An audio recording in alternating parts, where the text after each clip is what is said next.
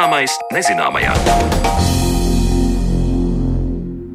Esiet sveicināti raidījumā Zināmais nezināmajā. Turpmāko stundu ar jums kopā būšu es Sandra Kropa, un šodien mēs parunāsim par dzēsēšanu. Lai arī dzīve mērenajā klimatā vairāk tiek aizvadīta tajos gada mēnešos, kad jādomā par ēku apsildīšanu, arvien biežāk sākam izjust vajadzību arī ēkas dzēsēt. Kā tas ir šī brīža inovatīvākās tehnoloģijas un risinājumi, kas ļauj pārkarsušās ēkas un pilsētas atvēsināt, par to runāsim jau pēc brīža studijām. Bet līdz tam iepazīsim veidus, kā ar karstumu tiek galā ziemeļu dzīvnieki. Biezi kažoki Latvijas lielajiem zīdītājiem ļauj pārciest augstās ziemas, bet ko lāči, vilki un citi zvēri dara tādās vasarās, kā bija šī? Kā dzīvnieku regulē savu ķermeņa temperatūru karstā laikā un vai mēs varam mācīties no mūsu kaimiņiem dabā, par to interesējās Zanelāte. Paradoks ir tāds, ka no visām dzīvajām būtnēm karstā laikā apdegumus vai saules dūrienu dabū tas radījums, kurš ir apveltīts ar saprātu, un tas ir cilvēks. Tā smaidot teica Līgatnes dabas taku vadītāja Inta Lange. Lai skatītu, kā tad dzīvnieki lieto sava ķermeņa termoregulāciju un karstos laika apstākļos izvairās no pārkaršanas, vispirms ir jāielāgo vienkāršots to iedalījums. Tātad siltasiņu dzīvnieki, pie kuriem pieder putni un zīdītāji, tie ir tie, kuri spēj noturēt savu ķermeņa temperatūru, lai tā atrastos noteiktā komforta zonā, un šie dzīvnieki savus, tā teikt, mehānismus ķermeņa uzbūvē var iedarbināt, lai pie noteiktas temperatūras dzesētos vai arī sasildītos. Un ir otra grupa - augstasiņu dzīvnieki - rāpuļi, zīvi, sabinieki, kukaiņi, kuri paši nespēja uzturēt savu ķermeņa temperatūru, un tādiem nākas pielāgoties ārējās vidas apstākļiem. Skatot uz siltasiņu dzīvniekiem, esam pamanījuši, ka karstā laikā suņi elso, bet kaķi tā nedara. Taču abu dzimtu pārstāvi nesvīst. Tomēr sviedru dziedzeri ir visiem zīdītājiem, citiem vairāk, citiem mazāk. Par to turpina Inta Lange. Sviedru dziedzeri, protams, ir viens no mehānismiem, bet, ja mēs skatāmies eh, plašāk un dziļāk, tad ūdens izdalīšana, kas ir reizē ar sviedriem, ūdens izdalīšana pastiprināti tā ir vispār tāda ķermeņa reakcija, kā var sevi dzēsēt. Un šī te ūdens izdalīšana var būt vieniem tie ir sviedru dziedzeri, citiem tā ir elsošana, citi vispār ielien ūdenī un sēž tur. Nu, tie dažādi veidi, kā to var izdarīt. Un tāpēc tie dzīvnieki, kam ir sviedru dziedzeri un arī cilvēks to starp, mēs pastiprināti karstā laikā mums vajadzētu dzert, lai izdalās šie sviedri, jo tas ir veids, kā ķermenis spēj sevi dzēsēt bet savukārt tiem, kam nav sviedru dziedzeri, tie elso. Vai nu elso, vai nu tā kā putnus, ja mēs vērojam karstā laikā, viņi staigā ar vaļā knābi. Tā ir tieši tāda pati reakcija, un vēl zinātnieki ir izpētījuši, ka dzīvniekiem, tiem, kas dienvidos, piemēram, Āfrikā dzīvo, ja mēs salīdzinām ar kaut kādām arktiskajām lapsām, pieņemsim, tur feneklapsa tādā tūkstnešainā apvidū un arktiskā lapsa ziemeļos, tad šiem te dienu dzīvniekiem ir garas kājas izteikti, garākas astes, lielākas ausis, un šis tādi ķermeņa izvirzījumi ir veids, kā vieglāk viņam var izdalīties šis dzēsēšanās princips tas ir. Un savukārt ziemeļu dzīvniekam ir svarīgāk saturēt siltumu pie sevis. Līdz ar to izpētīts arī, ka žurkām, pieņemsim tās garās astes, viņām ir svarīgi, jo tās arī piedalās termoregulācijā. nu, tas ir veids, kā ātrāk var iztveicēt visu lieko mitrumu. Ja mēs skatāmies uz suņveidīgajiem un kaķveidīgajiem, kā ir ar eh, kaķu dzimtai piedarīgajiem, tie neelso. Nu, ja, ja ļoti uzkarstu, tad arī sāktu elsot, bet te mums ir jāskatās arī dzīvnieka uzvedība, jo mēs nevaram viņus nu, tā nosacīt vienā maisā salikt tikai pēc kaut kādām tādām fizioloģiskajām īpatnībām. Tas viss iet eh, kopā ar dzīvnieka uzvedību kā tādu. Piemēram, visi suņu dzimtas dzīvnieki, viņi kaut kur skrien, viņi kaut ko darās, nu, kas rokalas, kas nerokalas, bet uh, kopumā ņemot, viņi ir aktīvi dzīvnieki, bet uh, kaķu dzimtas dzīvnieki, nu, viņi tik aktīvi nav nav. Viņi tomēr ļoti daudz laika pavada gūšņājot. Viņi, protams, dodas medībās, bet tas nenotiek salīdzināt ar suņiem. Kaķi tā neiet medīt. Un kaķiem savukārt tas mehānisms ir tāds, ka viņi nevis varbūt saskarienās un āso, bet viņi vispār meklē ēnainākas vietas, vēsākas vietas, varbūt dienas karsto laiku vispār pavada gūšņājot kaut kur un, un pat nekustās. No atšķirībā varbūt no suņa, kas nu tur ir aktīvāks. Kaut gan dabā arī suņu dzimtas dzīvnieki, viņiem arī mehānisms mehānisms, kā dzēsēties, ir pieņemsim tām pašām lapsām. Ja nu galīgi ir pa karstu, tad viņas vienmēr ierokas eh, alā, arī suņi mājās, viens cilvēki tur suņus, kāpēc man suns tur visu pagāvu izrakņājas? Bet tāpēc, ka viņam ir karsti, viņš pārvok sev bedrīti, kur vispār iegūties, lai viņš saņemtu zemes vēsumu. Tas nozīmē to, ka tam sunim nu, drusku diskomforts ir no karstuma. Un skaidrs, ka viņš tās bedrītes raks, un otrs mehānisms, protams, arī vilnas maiņa, jā, kā žoka maiņa uz, uz vasaru kļūst plānāks, ziemam izaug biezāks. Tas arī veids, protams, kā organisms var sevi dzēsēt. Interesanti savu ķermeni dzēsēšanai izmanto lielākie sauszemes zīdītāji ziloņi, kuru ausis ir klātas ar plašu asinsvadu tīklu. Karstā laikā šie dzīvnieki vicina ausis, kapilāri paplašinās un tādējādi atdod siltumu. Un papildus tam ziloņi pie iespējas ausis samitrina ar ūdeni, un tad iegūst vēsus un mitrus ventilators pie galvas. Bet turpinājumā iztaujāju Intu Langi par augstasiņu dzīvniekiem. Ja mēs lūkojam uz augstasiņu dzīvniekiem, piemēram, čūskām, sasildās ārējo vidas apstākļu ietekmē kā tur vai, vai čūska nevar sevi pārcepināt. Varbūt tāds bērnišķīgs jautājums, bet lūkšu jāskaidroju. nu, čūska sevi nevar pārcepināt. Man liekas, vienīgie šajā pasaulē, kas var runāt, kas paši sev var nodarīt pāri, tas ir cilvēks. Jo tikko cilvēks saņem signālu, ka viņam ir karsti, viņš nezina, kāpēc turpina cepināties pie jūras smiltiņās, vai iet kaut kur karstumā un nevāk no drēbes, vai sēž saulē, nu, kad ir dažādi saules dūrieni. Bet dzīvniekiem normāli dabā nu, viņi tomēr šos savus ķermeņa signālus atpazīst. Un eh, čūskai svarīgi, protams, ir būt siltai, jo tad viņa ir ļoti kustīga. Čūskas, eh, tad, ja ir mazāks siltums, viņas apzināti meklē saulainākas vietas, vai guļ uz akmeņiem kaut kur sildās, vai uz kaut kādiem prauliem, nu, tādās karstākās vietās. Bet eh, tad, ja viņām galīgi pa karstu paliek, viņas vienmēr aiziet kaut kur ēnā vai mazliet citādākā temperatūrā, jo viņas ar ķermeņa virsmu ļoti labi jūt apkārtējās vidas temperatūru, līdz pat tādam, ka līdz pusgrādam, jā, nu, tā ļoti ļoti, ļoti jūt. Viņas to izmanto, lai vai nu sasildītos, vai nu tieši otrādi paiet nost. Cita runa ir, protams, par dzīvniekiem, kas tiek turēti pie cilvēka nebrīvis apstākļos. Un tādā gadījumā, ja šie dzīvnieki pārkars, tiešām tā var notikt, bet tas ir nu, vairāk ir riska moments eh, tām čūskām, kas tiek turētas nebrīvē pie cilvēka. Ja mēs skatāmies uz dzīvnieku vielu maiņu, zinot, ka ļoti daudzi dzīvnieki dodas ziemas miegā, tajā brīdī vielu maiņa pazeminās, lai tikai ļoti minimālā līmenī nodrošinātu šī dzīvnieka eksistenci ziemas miegā vai ziemas snaudā, kā nu kuram. Vai var skatīt kaut kādus arī līdzīgus procesus karstā laikā, kad dzīvnieki dodas, es nezinu, karstuma miegā, ja tā nezinātniski sakot? Par karstuma miegiem nekas nav tāds dzirdēts, bet eh, nu, šie kulēšanas procesi, fizioloģiskās nauda, nu, tāda mēdz būt dzīvniekiem arī nu, tādos tiešām nelabvēlīgos apstākļos, jo tā ir ķermeņa reakcija, kā viņam sevi saglabāt eh, līdz kaut kādam labvēlīgākiem apstākļiem.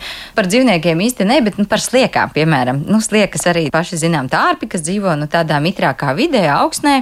Šī ir tādi optimāli apstākļi, kas viņiem vajadzīgi, bet ja, tad, ja ir ilgstošs sausums, tad šīs sliekas, nu, viņas tā vienkārši bojā neaiziet. Viņas arī ritinās kamoliņā un gaida brīdi, kad akā būs labvēlīgāki apstākļi. Bet, ja mēs paskatāmies tādus nu, jau augstāk attīstītus dzīvniekus, tad arī mēs varam skatīties, kā šī ķermeņa enerģijas padeve tiek regulēta atkarībā no gaisa temperatūras. Piemēram, tie dzīvnieki, kas nedodas ziemas guļām, Viņiem ir svarīgi uz ziemu uzkrāt taukus, un tie, kas neuzkrāj taukus, viņiem ir svarīgi paēst, jo tā ēšana veicina siltuma atdalīšanos, visi metaboliskie procesi, un tas veicina ķermeņa siltuma labāku uzturēšanu.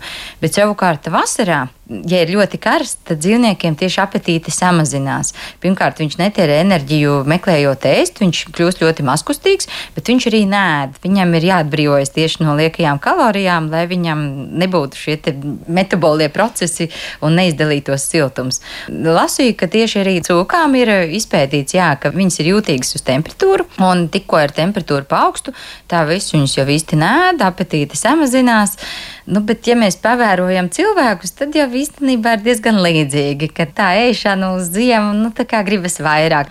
Tad, kad ir augsts un savukārt vasarā, nu, tur visi kaut kādas vieglas pusdienas ēd, un arī dienvidzemēs, ja mēs pavērojam, kā cilvēku populācijā tas notiek, ziemeļzemēs ēda tādus taukainus, kārtīgus ēdienus, bet savukārt eh, dienvidu tautās, nu, tur ir viegli, tur daudz zaļumi, un nu, cilvēks patiesībā arī dara līdzīgi. Tieši par cūkām runājot, mēs zinām, ir tāds eh, tautā teiciens svīst kā cūka, bet tad es saprotu, ja mēs skatāmies uz šiem dzīvniekiem, īstenībā jau nesvīst cūkas, vai viņas vārtoties dubļos, vai arī meklējot uh, ēnainas vietas tādējādi atvēsinās. Jā, nu ļoti precīzi. Cūkas tiešām nesvīst. Bet uh, cūkām, jā, eh, Latvijā cūkas ļoti izteikti. Viņas pirmām kārtām tas ir eh, diennakts režīms viņām mainās. Tad, ja ir karstais laiks, dzīvnieki pa dienu gandrīz nesteigā, viņi kaut kur ēnā gūšņā, viņi kļūst aktīvāki uz vakaru, kad temperatūra krītās, kļūst vēsāks. Tad viņi dodas darboties, jā, dodas meklēt barību un, un dzīvoties. Bet cūkas ļoti labprāt izmanto arī dubļu vannas vai iespējas kaut kur atveldzēties. Bet tas ir ne tikai cūkas, visi dzīvnieki tā dara. Piemēram, arī briežu dzimtas dzīvnieki tā dara. Āļņi ir sevišķi labi peldētāji, un, piemēram, līgatnes dabas takās mēs vērojam, ka tādā karstā vasarā nu, viņi iet ļoti daudzas reizes dienā peldēties. Viņi kaut vai iegremdējas un stāv ūdenī, un, un var redzēt, ka viņi nu, šo komfortu ļoti labi spēj sadabūt, ejot peldēties. Bet uh, daļa dzīvnieku, jā, pirmām kārtām viņi vispār nekustās pa dienas karstāko laiku. Viņi izmanto doties nu, tādās savās aktivitātēs aktivitātēs diennakts tumšajā periodā, kad saule vairs nespīd. Un tā, kad mums atnāk apmeklētāji uz līgatnes dabas takām, tad arī cilvēki atnāk pa dienas karstāko laiku. Nav sevišķi apmierināti, ka viņi neredz dzīvniekus un neredz viņus darbojoties, bet dzīvnieki kaut kur krūmos guļ, viņi meklē ēnu, viņi meklē zemes vēsumu, viņi nemaz nevēlas nekur doties.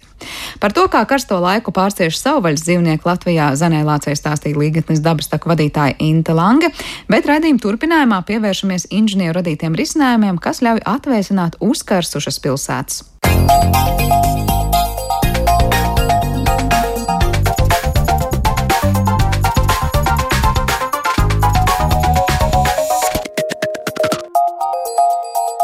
Zināmais nezināmajā. Karstas vasaras kā šīs sāk mudināt daudziem e, domāt ne tikai par mājokļu apsildīšanu, bet arī par dzēsēšanu pat tādos platumgrādos kā Latvijā. Kā šobrīd inženieri palīdz dzēsēt pārkarstušās pilsētas un kādi inovatīvi risinājumi tiek radīti un ko varam sagaidīt nākotnē, kad dzīve uz šīs planētas kļūs vēl karstāka. Par to visu mēs šodien runāsim raidījuma atlikušajā daļā, kad pie mums studijā viesojas Rīgas Tehniskās universitātes profesori un arī siltumgāzes un ūdens tehnoloģijas inženieru savienības pārstāvi Artūrs Lešinskis un Anatolijas Borodiņats. Labdien jums abiem! Labdien, labdien, labdien. Uh, cik ļoti aktuāli mums Latvijā ir sākt domāt ne tikai par māju siltināšanu un to, kā varbūt sildīt savus mājokļus, bet patiesībā nu jau arī kā dzēsēt mājokļus. Vai šī vasara likusi pārdomāt daudziem to, kā jādomā par šādiem jautājumiem jau laikus? Varbūt Anatolija sākšu ar jums. Nu jā, no apkura mums jau vēsturiski tas ir liels izaicinājums, kā mēs varam savas mājas energoefektīvi apkurināt, bet šī tā kā varbūt nu, tāda pirmā vasara, kad tieši mums lika aizdomāties par arī to dzēsēšanu, jo līdz šim mums parasti tā dzēsēšanas lodze maksimāli bija nu, aptuveni viena, divas nedēļas. Un arī bija vesels naktīs. Un eh, šī tā, man liekas, nu, cik es varu atcerēties jau pirmā vasara, kad tiešām nu, istabas jau temperatūra bija 30 grādi Celsija, kas jau nu, nu, liels diskomforts. Jā, kā izskatījās jūsu acīm šī vasara, un vai var teikt, ka beidzot apjaušam vai sākam apjaust, ka par dzēsēšanu arī jādomā Latvijā? Jācer, ka sabiedrība sāk arī to saprast, jā, ka būtu jāpiebremzē vēlme būvēt ēkas ar ļoti stiklotiem logiem, lieliem, plašiem.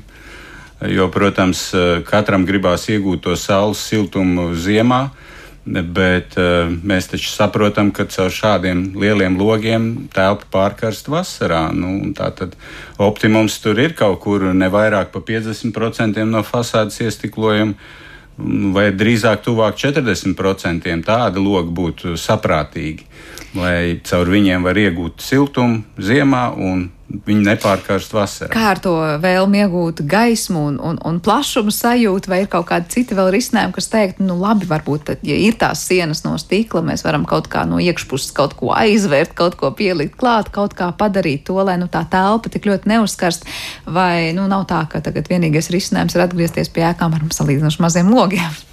no iekšpuses jau diezko diez, mēs glābt nevaram. Jā, nu, jā tad sanāk, jā, tas nu, mums ir tā kā klasiska dzēsēšana, ka mums ir kompresijas cikla, kā pareizi ir tas nu, gaisa dzēsētais, jā, tas plīts sistēma, ko viegli var ielikt, un viņi tur atdzēsēs to telpu, bet būs tagad neefektīvi, protams, jā. Un tad jādomā par tām pasīvajām metodēm, ka mums ir tā kā aizkari vai žaluzijas, un tur jau jāliek viņus no ārpuses, un kas arī prasa papildus investīcijas, kas diezgan dārgi. Bet tad, jā, tad mēs varam, tad, jā, mēs varam nodrošināt to vizuālo komfortu, mums ir var paplašināt telpas ar lieliem logiem, bet tad arī, nu, Jā, izmaksas pieaugs. Jā, pieaugs izmaksas ar eksploatāciju, un arī jāsaka viņam līdzi, ja, ja ir tāds stiprs vējš, tad viņas tur jānovāc. Nu, tad, protams, automātiski visu tu dara. Bet nu, tas ir liels izaicinājums, ja mēs runājam par kaut kādiem par klimatiem, kas ir tuvu pie ekvatora, tur Malāzijā un tā tālāk. Viņam tāds klimats patstāvīgs, plus mīnus gada laikā. Mums pagaidām ir tā izteikta ziemā ar mīnus 20, vēl es domāju, ka būs laika, un tad parādās tāda karsta vasara, un tad inženieriem paliek darbs daudz sarežģītāks, sarežģītāk nekā tas bija līdz šim ka tad radīt kaut ko, kas dar pilnīgi visam un diametrāli pretējam. Jā, jā, un arī, ka mums arī saule, ja mēs attiekam pie ekvātora, tur saule visu laiku zem viena leņķa ir debesis, pie mums jau ziemas laika 10 grādi, vasaras laika 56 grādi. Nu, tad, tad, tad atkal jāķer klāt. Tas ir līdz ar to pārādas te pas, pasīvas metodes, ka mēs mēģinām ievest. Nu, Tad... Kā attīstās tās gudrās fasādes idejas? Nu, es nezinu, vai kaut kādas no ārpuses pieliktās žalūzijas, kas aizvērsies, vai stikls, kas, es nezinu, kā pārvērtīsies, tomēr, ja jau tā ēka ir uzbūvēta no tā stikla.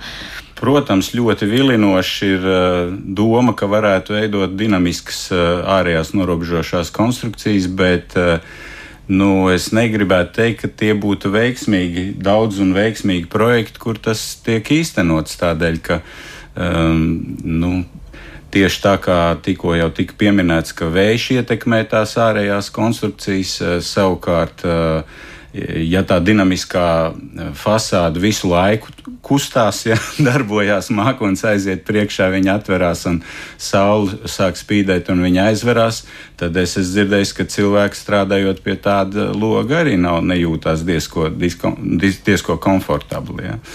Tā kā, nu jā, ja pa, pa fasādēm. Dažās publikācijās izlasīju, ka gan izvēles labas dziesmas tiek dziedātas, nu jau labi aizmirstajām, varbūt nu, tādām klasiskām ainavām, kas tur, nezinu, dienvidos redzētas Itālijā, Francijā, arī Grieķijā, tad slēģi no aiz, aiz, ārpus, tad, ko vienkārši aiztais ciet logam. Cik ļoti lielā mērā jūs prognozējat, ka Latvijā cilvēks sāks vairāk domāt kaut ko par tik it kā sen aizmirstu, jūsuprāt, labu metodi, kā pasargāt ēku no karstuma? Nu, jā, mums vajadzēja sākumā vienoties, par ko mēs īsti runājām. Par augstceltnēm vai par privātu mājām. Nu, un tad pie dinamiskām uh, norobežošām konstrukcijām varētu minēt manu lauku māju, jo tik tiešām uh, tā ir labi noēnot ar, ar kokiem. Uh, plus rīta sauli, zemos rīta sauli mēs noēnojam tiešām tieši tā kā jūs teicāt, ar slēģiem aizveram slēģus uz to brīdi, kamēr tā saule karsē to telpu. Un tā mēs to nakts, eh, nakts vēsumu esam saglabājuši uz nākošo dienu. Tā kā, piemēram, manā laukumā nebija, mēs necietām no, no pār, pārāk liela karstuma telpās arī šajā vasarā. Un tas tāpēc, ka mums ir vēsturiskā apbūve jau izveidojas, jā, jā, ka tur ar veciem kokiem un tā tālāk. Tagad, nu, bieži vien mēs būvējam pļāvus, jā, pļāvus, tā kā mums nav ne koki, jā, jāpagaida tur 10, 20 gadi, ka izaugs, un tur, jā, un tad faktiski tas jaunais izaicinājums ir tie, tās fasādes un žaluzijas, jā, kā to integrēt kopā vizuālā tēlā arhitektoniskā. Tā, bez šo... tā mēs nevarēsim iztikt, jā. Bet šobrīd būvniecībā var teikt, ka sevi piesaka, nu, es skatījos uz dažādām tur Saudarābijas augstceltnēm, kur šīs te fasādes speciāli tiek veidotas tā, ka viņas tur veidos noēnojumu kaut kādā brīdī, un tas ir tās nu, tā modes kliedziens šobrīd būvniecībā, kā domāt, ja par augstceltnēm jau runājam, ne gluži Latvijā, bet citās varbūt valstīs, kā to fasādi padarīt ēnaināku varētu viņu nesaukt par modes, eh, modes kliedzienu, bet tas ir eh, vienkārši dzīve piespiež arhitekts par to domāt un, un ēkas orientāciju un ēkas. Uh, ārējais veidols eh, var gan palīdzēt aizsargāt to ēku no, no saules pārliekas ietekmes, gan arī otrādi. Nu, piemēram, eh, savā laikā attīstījās šokbetons un šokbetona dažādi ārējie noēnojumi, bet, kā pieredze rādīja, tad viņi eh, pa, pa dienu sakarst un va, va, vakarā, kad tu varētu atvērt logu un ielaist vakar vēsumu telpās, tad tas betons to gaisu sakarsē. Nu, tur arī ir daudz dažādu risinājumu. Protams, mēs kamēr iedomājamies, katrs pats tos 30 grādus šovasar savā, nu, kuram nu bija ja, iekštelpās, un tad liekas, nu, kuram ir risinājums. Viens glābis pie gaisa kondicionieru, kāds pie citādākām kaut kādām risinājuma lietām. Tad es domāju, Labi, kamēr mēs to izdarām savos mājokļos, kas notiek, kad uzkarst pati pilsēta? Un te ir tas jautājums, kas pieminētajā e-pastā. Ko dara inženieri? Kā ir domāt par konkrētiem risinājumiem jau tad, kad mums ir jāatdzesē nevis viens konkrēts mājoklis, vienalga vai tā ir daudzstāvu māja vai privāta māja, bet pilsēta kā tāda? Nu jā, domājot, kā atbildēt uz šo jautājumu, Eh, es ar tā domāju, ka tas vairāk ir pilsētas plānošanas un pilsētas saimniecības jautājums, jo mums pilsētā vajadzētu turēt rūpi par katru kvadrātmetru apzaļumojumu, par katru koku, par katru brīvu ūdens virsmu, par katru ielu laistāmo automobīli, ja, kurus mēs eh, šovasar redzējām, manuprāt, ļoti reti, un par katru strūklaku. Tā kā pirmā, pirmais, kas būtu jādara, tas ir jāplāno pilsēta eh, atbilstoši tam, kā mainās klimats. Ja? Un šeit ir eh, ļoti eh, perspektīvs virziens ir, ir tam, ka kā mēs saprotam, tad pilsēta apbūve ļoti intensificējās, tiek pārsekta ar, ar ēkām, katrs kvadrātmetrs un, un hektāri. Uh, Līdz ar to tā mega ēka, tā milzīgā mega ēka, viņa pieprasa elektroenerģiju. Un tādēļ elektroenerģijas ražošana sāk tuvoties tiem patērētājiem. Nu, un tad, ja tas eh, elektroenerģijas ražotājs eh, spēj pārdot arī siltumu, kas ir neizbēgams blakus produkts eh, elektroenerģijas ražošanai, tad to sāk dēvēt par koģenerāciju bet pārdot siltumu, kā mēs saprotam, kļūs aizvien grūtāk, jo tās ēkas, kuras patērē to elektroenerģiju, viņas karst. Viņas karst arī dēļ tā, ka viņas patērē to enerģiju gan no saules. Eh, rezultātā ļoti perspektīvs virziens būtu absorpcijas eh, dzēsēšana. Tas ir absorpcijas ciklā. Mēs varam izmantojot siltumu, iegūt dzēsēšanas efektu. Ko tas absorpcijas cikls nozīmē? Konkrēt? Nu, kā jau tika pieminēts, ka tradicionāli un vislētākais risinājums tas ir eh, freona vai viegli iztvaikojošu šķidrumu um, kompresijas cikls, kur neizbēgami ir jādarbina kompresors, jāpatērē elektroenerģija un jādarbina kompresors. Un tad mēs nonākam tādā kā apburtajā lokā. Mēs gribam atdzesēties, Mums vajag elektroenerģiju, bet elektroenerģija tiek ražota pamatā nu, vairāk kā 80% sadedzinot organisko kurināmo, un arī pats enerģijas, elektroenerģijas ražošanas cikls prasa uh, uh, dzēsēšanu. Ja? Līdz ar to uh, mēs karsējam atmosfēru, un mums vajag atkal vairāk dzēsēties. Ja? Tādēļ arī uh, tā, tā šī pasaules mēroga globāla cooling price tika izsludināta, lai meklētu risinājumu, jo mēs esam tā kā mazs veikaliņš uz mūsu planētas, kurš nopērk vēl vienu, vēl vienu vitrīnu. Nu, Pienam, saldējumam, gaļai, zivīm, ja, un tad tas veikaliņš sāk pārkarst. Ja. Tad mēs planētā esam tieši tādā pat situācijā. Tad es saprotu, šobrīd inženieriem visā pasaulē ir tāds uzsaukums, meklējiet veidus un idejas, kā atdzesēt planētu un iegūsiet balvu. Jā, jā, un ja runājam par pilsētu, tad tas risinājums tik tiešām būtu absorpcijas dzēsēšana, jo tur nav kompresijas cikls. Ja? Tur ir nu, absorpcijas cikls, kuru varbūt tagad izskaidrot tā bez tāfels un bez, bez vizuāla materiāla būtu grūti. Bet pamatideja kāda? Bet pamatideja tāda, ka tur ir tikai sūkņi, kuri patērē ļoti maz elektroenerģiju. Eh, cikls ir maz efektīvs, bet tā kā tas siltums ir atkritums, tad uh, iznāk, ka mēs tērējam ievērojami mazāk elektroenerģiju. Tas būtu risinājums, ja runā par pilsētu.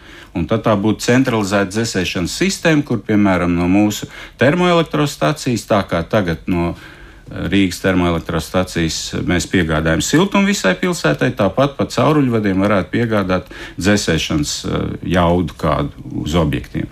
Kā tas Sauk, izskatītos jā. reālā dzīvē? Nu, tad jūs teicāt līdzīgi, kā piegādā šobrīd tā siltumu, tāpat mēs nevis ieslēgtu radiatoru, tad, kad ir augsti un mēs saņemtu siltumu, mēs ko mēs, mēs saņemtu kaut kādu nu, vienkārši ūdeni, augstu. Atdzesēt ūdeni, salikt tādas sistēmas jau tagad Igaunijā būva jaunais rajonos, kur ir centralizēta siltuma un dzēsēšanas sistēmas kur tev pa ziemu piegada siltumu, pavasaru, nu, augstumu. Nu, tas nav pareizi. Nu, dzēsēšana, nodrošināt to dzēsēšanu, piegada faktiski atdzesot ūdenī. Mm -hmm. nu, vai, nu, tā, un tad pēc tam tālāk jau mājās tu vari vienu. Jā, un tas nebūs atdzesēt. tik vienkārši, kā, eh, kā var iedomāties, ka ja radiatorā padosim augstu ūdeni, un tad mēs atdzesēsimies, jo neaizmirsīsim, ka vēsas virsmas uh, vasarā svīst. Ja?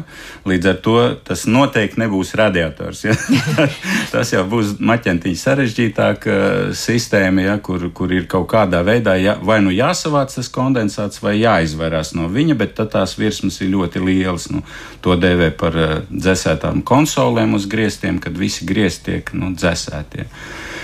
Nu, jā, ir redzēti jā. piemēri, kad satiksmes, tātad, pilsētas satiksmes pieturvietās ir šie tvaiki, es nezinu, vai ūdens tvaiki, tad izsmidzinātāji, jā, jā, vai jā. tā ir tāda, nezinu, nākotnes, ko varētu iet, kad kaut vai uz nu, ielām. Nākotne varbūt Latvija būs, bet Austrija, tieši Austrija, nevis Austrālija, Austrija, tie tādi jau redzat, tas uz ielas jau bija vairākus gadus atpakaļ, kur ir tā kā, nu, soliņi vai pieturvietas, tur izsmidzina to ūdeni, tāpat arī kafejnīcas. Un līdz šim tas klimats nebija ļoti īpaši piemērots Latvijā priekš tādam sistēmam, jo mums jau ir mitrs gaiss, principā. Ja? Bet šovasar nu, tas gaiss tomēr bija diezgan sauss, kā arī tās adiabatiskas, jeb ūdens izsmidzināšanas sistēmas arī varētu strādāt arī mūsu klimatiskos apstākļos. Bet Pagaidām mēs, nu, mēs nevaram paredzēt, ka tas būs jau faktiski realitāte. Šī bija pirmā tāda vasara, nu, mana mm -hmm. tā jau pieredze, ka tiešām šīs sistēmas varētu darboties. Bet, nu, Tad viena lieta, kamēr to izliek, tur katra kafejnīca, kas vēlas jā, jā, tādu, jā, bet, bet cita lieta, kas ir ieguldīt tehnoloģiju, nākamā vasara tev būs tāda vesela mītra. Nu, tad, nu, jā.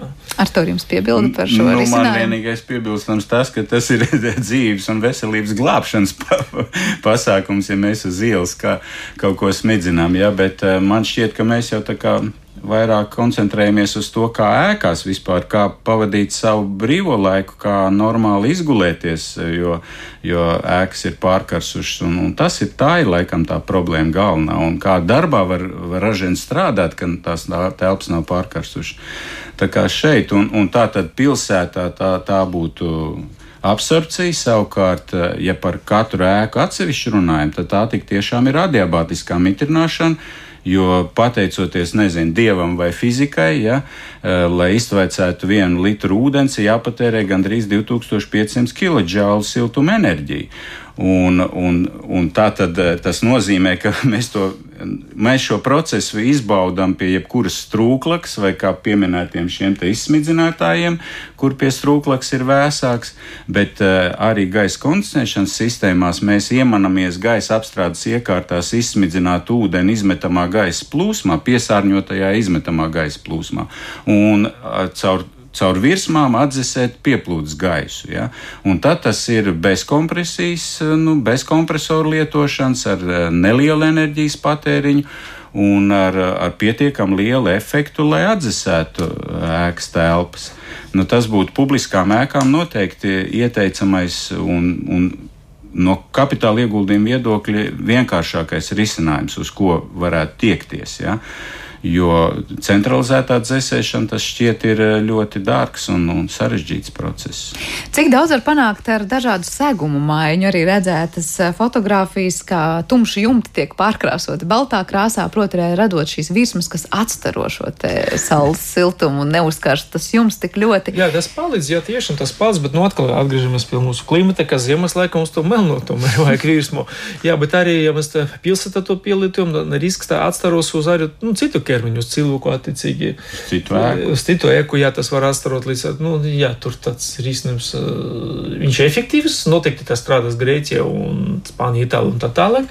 Pie mums arī uz to droši vien mēs ejam, tad atkal cilvēkam būs jāizvēlas, ko viņš tad grib ietaupīt, jo mēs skatāmies tās dzēsēšanas slodzes privātmājām, nu, mēs tur nesen skatījāmies, nu, pieaugs divas reizes. Nu, protams, tur bija 5 kWh uz kvadrātmetru, nu, tā kā nu, līdz 50 gadiem var sasniegt 10 kWh uz kvadrātmetru gada.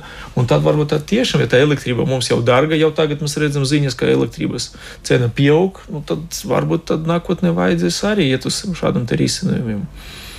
Jūs pieminējāt apzaļumošanu pilsētā, kā pilsētu plānošanas jau rīku.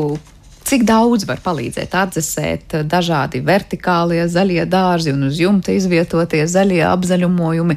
Vai tas būtu vēl viens virziens, kurā atsevišķi mēs stāstām runājam par to, cik daudz ir strūklakas un parki ja, un, un zaļās zonas pilsētās, bet ja pašas ēkas kļūst zaļākas? Nu, tu, tur droši vien arī jāskatās, ka tieši veidā mēs varam nedzēsēt to, jā, bet mēs neļaujam cilvēkam uzkarst, jo, teiksim, tā ārgais temperatūra 27 grādi, nu, tas var būt ciešami, jā, bet ja tu virsū stāro saulē, tu jau pats uzkarst līdz tam, nezinu, tur, cik tur pārīt tur grādiem, jā. Un tā, tas apzaļums, tā, tie, tie, teiksim, tā pasīvi elementi ļauj samazināt to starošanas efektu, un tad cilvēks jūtas jau komfortablāk pie tādas pašas temperatūras, ārgaisa temperatūras. Un tad tu nevari izteikt teiksim, kaut kādus grādus, bet ir komforts, ka tu pats neuzsilst. Nu, droši, vien, droši vien šeit ir jāuzdod jautājums ēku eksploatācijas cilvēkiem. Nu, ko tas, kādas pūles tas prasa, lai tos uzturētu tos zaļos jumtus un, un, un zaļās fasādes. Uh, Eh, un kā, kādu tas dod efektu. Ja? Un neaizmirsīsim atkal, ka tas, eh, tas var būt diezgan eh, grūti aizsargājams no vēja un no lietus. Ja?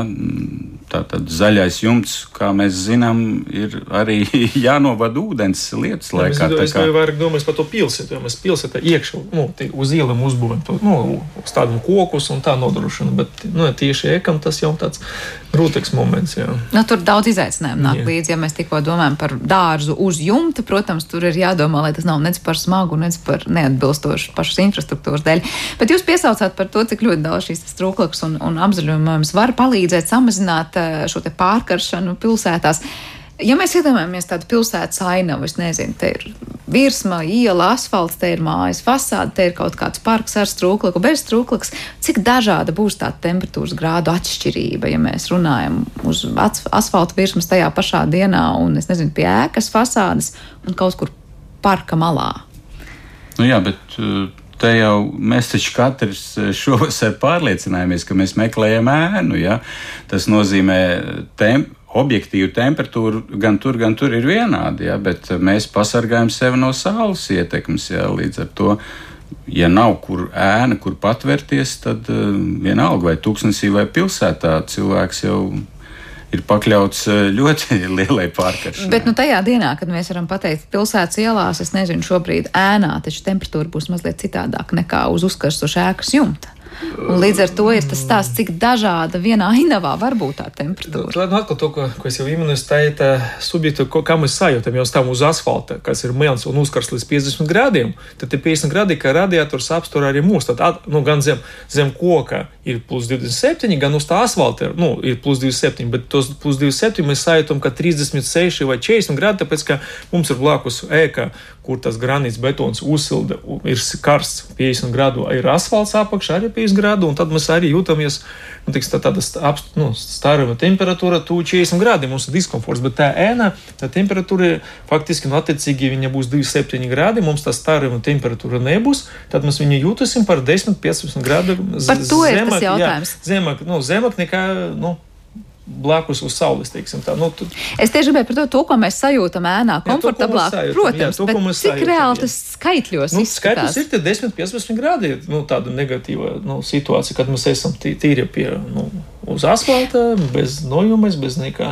Piemēram, pilsētas plānošanas kontekstā, ko tad nozīmē, ja ir piemēram viena iela, kas ir pilna ar alejām, un, un, vai kaut kāds reģions, kurš ir pilns ar lieliem parkiem, un savukārt iela, kurā nav pilnīgi neviena kociņa. Jā, tad, tad cik ļoti atšķirīga tā temperatūras izjūta būs tam cilvēkam vienā grādī, un otrā. Atšķirība varētu būt. Nu, tā.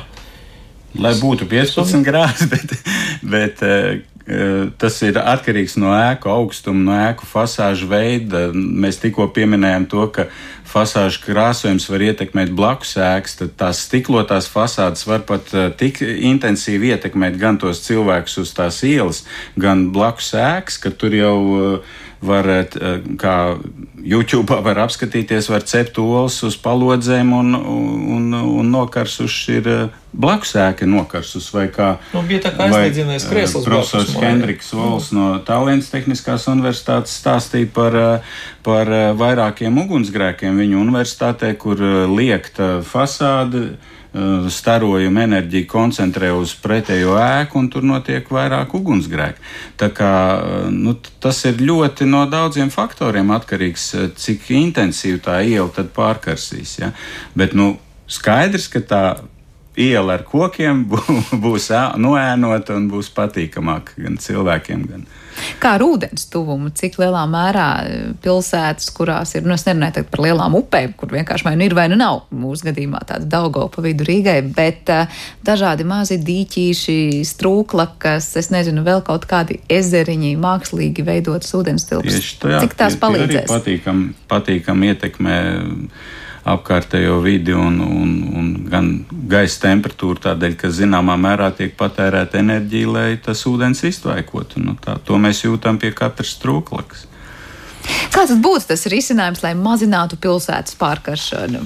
Pilsētu plānošanu jūs pieminējāt, tad, ir parūpēties par zaļajām zonām un ūdens tuvumu. Uh, inženiertehniskie risinājumi nāk tālāk, tad, kad mēs runājam par to, ka nu, varētu mēs līdzīgi pārveidot, ja tā var teikt, mūsu sistēmu, kurš mums ziemā piegādā siltumu un vasarā dzēsēšanas augsto ūdeni. Kā, kā jūs saliktu tādu kā darāmos darbu sarakstu, ja mums ir jādomā tuvākajos gados šeit Latvijā, kādas idejas mums varētu iedzīvināties? Nu, par centralizēto dzēsēšanu tas ir eh, vistīrākā veidā pilsētas plānošanas jautājums, ka nākotnē izvietojot kādas uh, energosistēmas uh, elementus, ja mums ir jādomā par to, kā veidot šo absorpcijas dzēsēšanu un centralizēto uh, dzēsēšanu ēkām. Bet te iet runa par ēkām. Ja?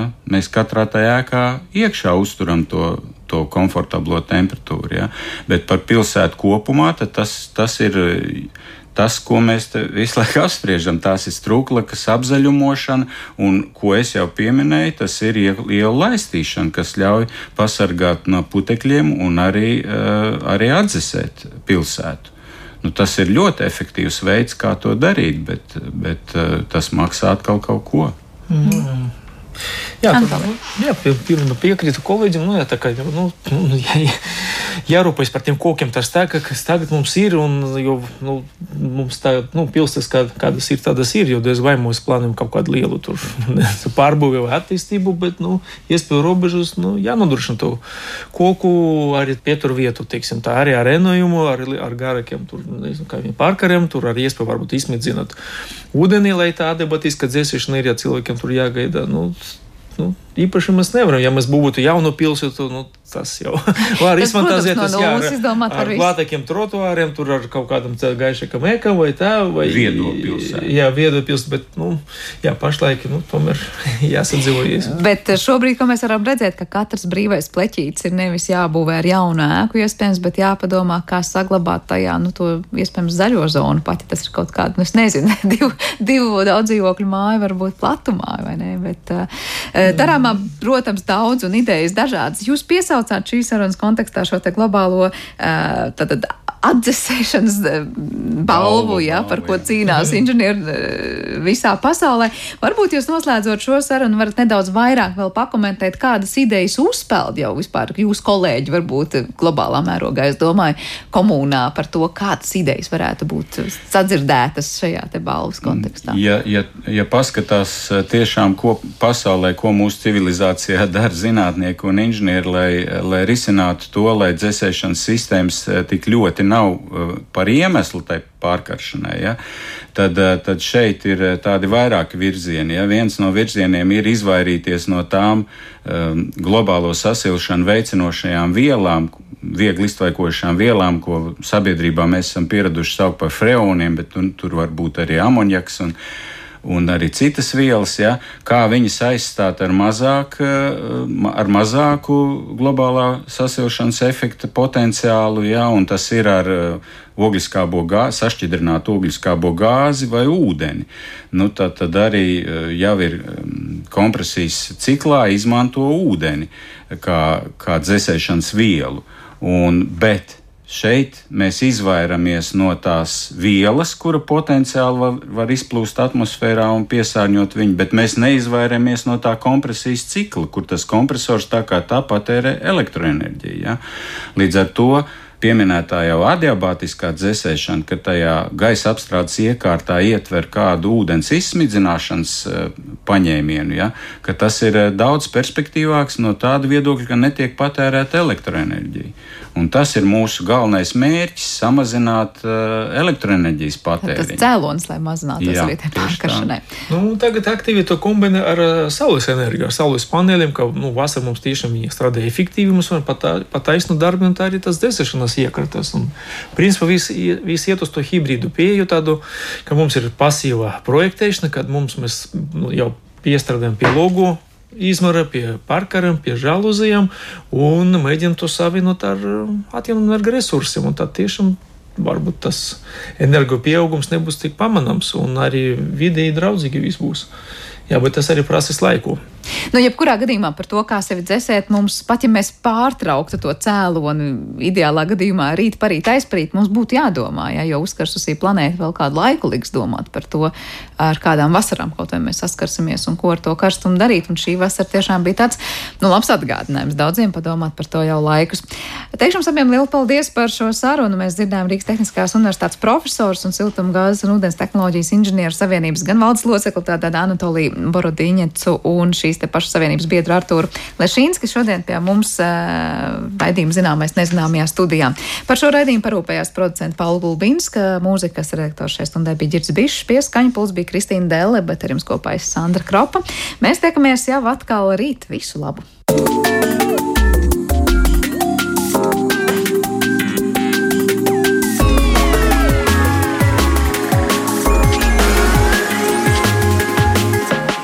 Zināmais nezināmajā.